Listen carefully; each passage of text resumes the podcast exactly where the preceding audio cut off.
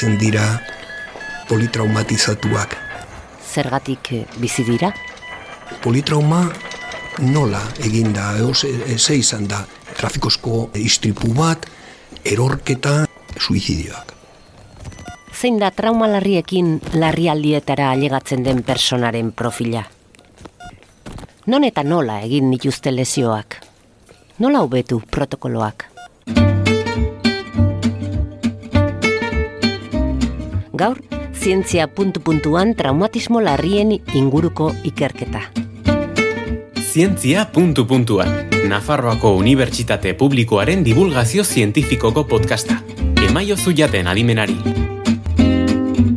Ongi etorri entzule, zientzia puntu-puntuan podcastaren hogeita bat garren atala duzu hau. Sarreran egin ditugun galdera guzti horien erantzunak ezagutu nahi ditugu gaur. Hortarako, mediku bat bide lagun, Tomas Beltzunegi Otano. Tomas Belzunegi otano naiz eta nire bizitza profesionala beti Nafarroako ospitaleetako larrialdietan zerbitzuan ligatuta egon da. Gero, e, investigazio eta alako gauzak ere egin dut eta politrauma paziente astergai izan dut hasi ginenetik. Eta, bueno, azken urteotan Nafarroako Unibertsitate Publikoko osasun zientzien fakultatean dago medikuntzan graduko dekanordea bezala. Trauma larriekin ospitalera alegatzen den pazientearen perfila aldatu eginda azken hogei urteotan. Asko aldatu ere. Datuek hala diote. Nafarroak badu trauma larrien erregistroa duela hamarkada baino gehiago. Datu base hori duen komunitate bakarra estatuan. Nik espezialitate bukatu ondoren Lizarrako ospitalera joan nintzen, eh? larrialdetako zerbitzuan berri egin zuten momentu honetan eta ara sartu nintzen jo, erronka izan zen hori politraumatizatu pazienteak ongi tratatzea, e, oso e, paziente larria gogorra da medikuentzat, zeren, pues bueno, izan daiteke oso grabe izatea eta gure buruan dago agian bere bizitza biziri jarraitzea edo urrengoa izan zen jarraitzea, bueno, ikerketa egiten, eh? galderak, zelgatik hiltzen dira politraumatizatuak. Eta lehen izan zen, politrauma datu base bat egitea eta jakiteko zen olako pazientek diren. Osea, politrauma nola eginda, ze, ze izan da, trafikozko istripu bat, erorketa, e, alture, altuera handiko erorketa, erorketa baino e, altura gutxiko, izan da beste gauzaren bat suizidio e, e, intenzioz istripu izan da edo alako gau. Gure helburua izan zenen hasieran jakiteko zertaz zer pasatzen ari zen. Eta horrengoan jakiteko zergatik hiltzen diren eh? eredu matematiko bat egin genuen geroago jakiteko zein diren baliabreak hartutak. Erregistro honek datu demografikoak ospitaleratzearen. Aurreko informazioa tratamenduari buruzko datuak eta abar jasotzen ditu. Datuen bilketa estandarizatuari esker, gaixo politraumatizatuari Nafarroan eta nazioartean emandako harreta konpara daiteke. Kontutan izan, trauma larrien lesioak eriotza goiztiarraren zeigarren arrazoi nagusia dela mundu osoan.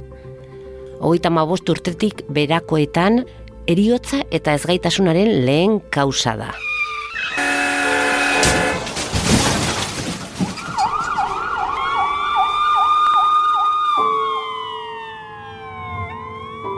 Hori da munduan, baino gu nahi genuen jakitea ze pasten zen e, Nafarroan. Eta ze pasatzen zen? E, ze pasten zen, pues, kotxeetan gertatzen diren istripuak oso ipontatea ziren oain dela hogei eta hogei bost urte. Jende gazte asko hiltzen zen, asteburuetan. Gero, pues bueno, ikusi genuen zauriak erasoak eta halako gauzek ez ziren hain importanteak, eh? beste eh, lekuetan bezala, adibidez estatu batuetan askoz gehiago. Ikusi genuen baita denbora pasatzen denean, istripuak gutxitu egin direla asko eta Hoize izan da nire iritziz salu publikoaren aurrerapen handiena, baino momentu honetan gure agureak erortzen ari dira eta hiltzen batzutan antikoagulante sintron famatua hartzen ari dira eta kolpe txiki bat ematen deten buruan agian ematoma sartu daiteke eta hiltzen dira, eh?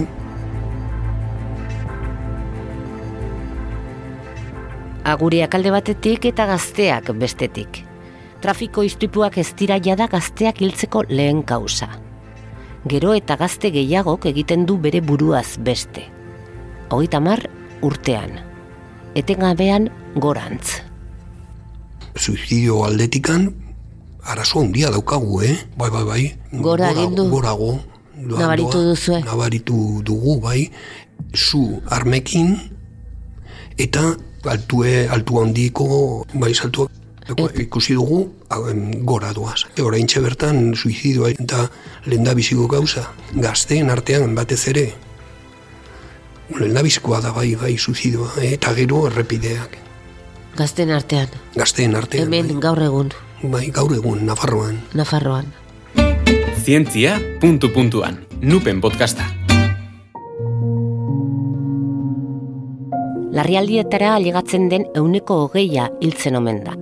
Zerke eraginda? Ze faktoreak hartu behar dira kontuan.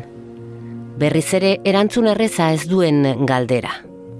Medikuek matematikarien laguntza izan dute hortarako. Ez dute agatxo magikorik, baina bai formulak, simulagailuak eta proiektzioak, beharrezko. Jakiteko zergatik hiltzen diren gure politraumatizatu bat, eta horregatik erabili genuen eredu matematiko bat, eh? regresion logistika du izena.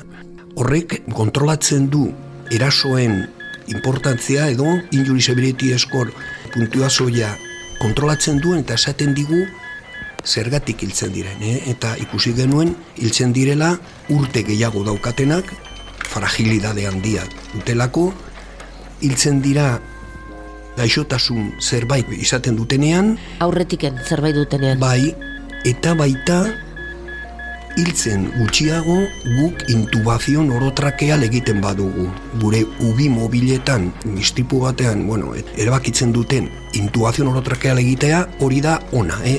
hiltzen direla gutxiago. Beraz, ubi, ubi mobiletan egiten den lana oso bai, garrantzitsua bai, dela. Bai, bai oso, oso garrantzitsua da ailegatzea eta eh, bere gauzak egitea. Hilkortasuna iragartzeko erregresio logistikoa izeneko estadistika erabili dute. Koktel ontzi bat bailitza kasuaren inguruko aldagai guztiak sartzen dira bertan. Metodo horrek hilkortasunean benetan eragiten dutenak hautatzen ditu. Eta horrela dakite, adibidez, ze teknika erabili behar duten maizago. Beste gauza bat konprobatu egin dugu, Frantziakin konparatuz edo Alemaniakin konparatuz, gutxiago intubatzen dugula. Orduan? Orduan, pasten dena da, orduan esan diogu gure ubi mobil egiten duten lagunei gehiago egiteko. Gehiago intubatu egin behar da, baina ez da gauza erresa, ez, eren intubazio norotrakeala ospitaletik kanpo oso zaila izan daiteke, eh? da sartzea, ahotik, dugu bat, eta trakean jarri, relazion mekanikoarekin, konektatuz. Hori ospitalean oso nahiko erreza izanen da, eh, normala, eta eh, anestesistak egiten dute. Baino kanpoan, orduan, ez da hain erreza esatea, bueno, intubatu behar duzue gehiago, eh? Banan-bana, aztertu dira kasuak. Zer hobetu daiteken eta nola hobetu aztertzeko. Lau mila kasu goiti. Datuak baliagarriak izan dira indarrean dauden protokoloak aztertzeko eta beste batzuk proposatzeko. Azkarrago ailegatu behar eta horretarako helikopteroa batzutan eh, erabili behar dugu eta lehen euneko bost edo gutxiago erabiltzen dugun helikopteroa momentu honetan euneko hogeian gaude eta konprobatu egin beharko dugu haber horregatik jetxi egin direla gure hiltzeko bai. tasak industria lau punto oso arrunta den simulazio teknika erabiltzen ari dira egun. Osasun zerbitzuetan oso gutxitan erabili den metodoa. Adibidez, jakiteko zenbat hoe behar dugun zaindu intensiboetan gripe epidemia alegatzen denean edo COVID izan dugunean, berak esan digu, modelo matematiko bat esan digu zenbat hoe behar izango dugu amabostegun barrun edo simulazio egitea eta, jakitea zer pasatuko den eta, eta bain zehaztasun handeekin. Eta beste gauza bat egin duguna da, Nafarroako ospitaleko larrialdi zerbitzuan jakiteko ze pasatuko zen beste tuo erraioz jartzen badugu, haber nun dauden, kuello botella, jakiteko nun dagoen, zuzentzeko. Hobetze aldera, ez da? Bai, bai, bai, bai, bai simulazio teknikekin, bai, bai, hori Fermin Mayor, bueno, espezialista. Bai, gero eta gehiago sartzen ari dira matematikoak, ez da? Gai bai, bai, bai, bai, Laguntza handia aurkitu duzu matematikoen artean eta estadistikoen artean, ez? Bai, derri horrez, interprofesional izan behar da gure ikerketa, ja, eta psikologoak eta soziologoak eta alako gauzak, eh? jakiteko haber zergatik ari diren pasatzen kontatzen dizu gauzak. Gazten artean ez da, adibidez? Bai, galdera gehiago dituzte. Eta ospitalera bizirik ailegatu ez diren gaixo politraumatizatuak, ze gertatu zaie? Galdera horri erantzuna bilatu nahi diote orain. Zergatik hiltzen diren ospitalera ez direa ailegatzen politraumatizatuak? Oso larri zirelako? Esan dizut ez daudela politraumatizatu baseak.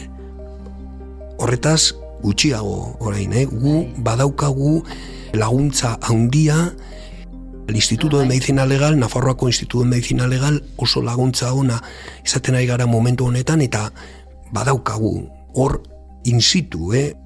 ospitalera ailegatu gabe gelditzen diren bai. zergatik hiltzen dira eta errepidetako istripuak izanen dira eta suizidioak. Eta horretarako bakarrik prebentzioa. Gure ibilbidea izanen da prebentzioa.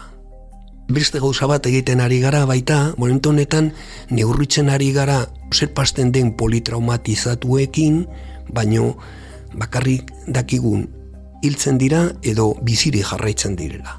Baino bai. nolako kalitate arekin jarraitzen dira bizitzen. Eta orain bertan eh, hori lantzen ari gara. Eh? pausu bat gehiago ematen ari bai, zarete. Bai, eta ikusiko dugu bost urte edo amar urte pasatu ondoren nola daude. Horretarako, pues bueno, beraiekin konektatu egin behar dugu, azterketa bat egin, eta alako gauzak eh, oso lana, bueno, haundia da, baina horretarako badaukagu jendeak tesiak egin nahi bai. eta hartzeko bai. Osongi, esker mila, haunitz, Tomas e, Beltzunegi. Ez, eskarrik asko zuen. Izan. Oneraino, gaurko gure atala. Izan ongi. Zientzia puntu puntuan entzun duzu. Nafarroako Unibertsitate Publikoaren podcasta. Gozatu zientziaz.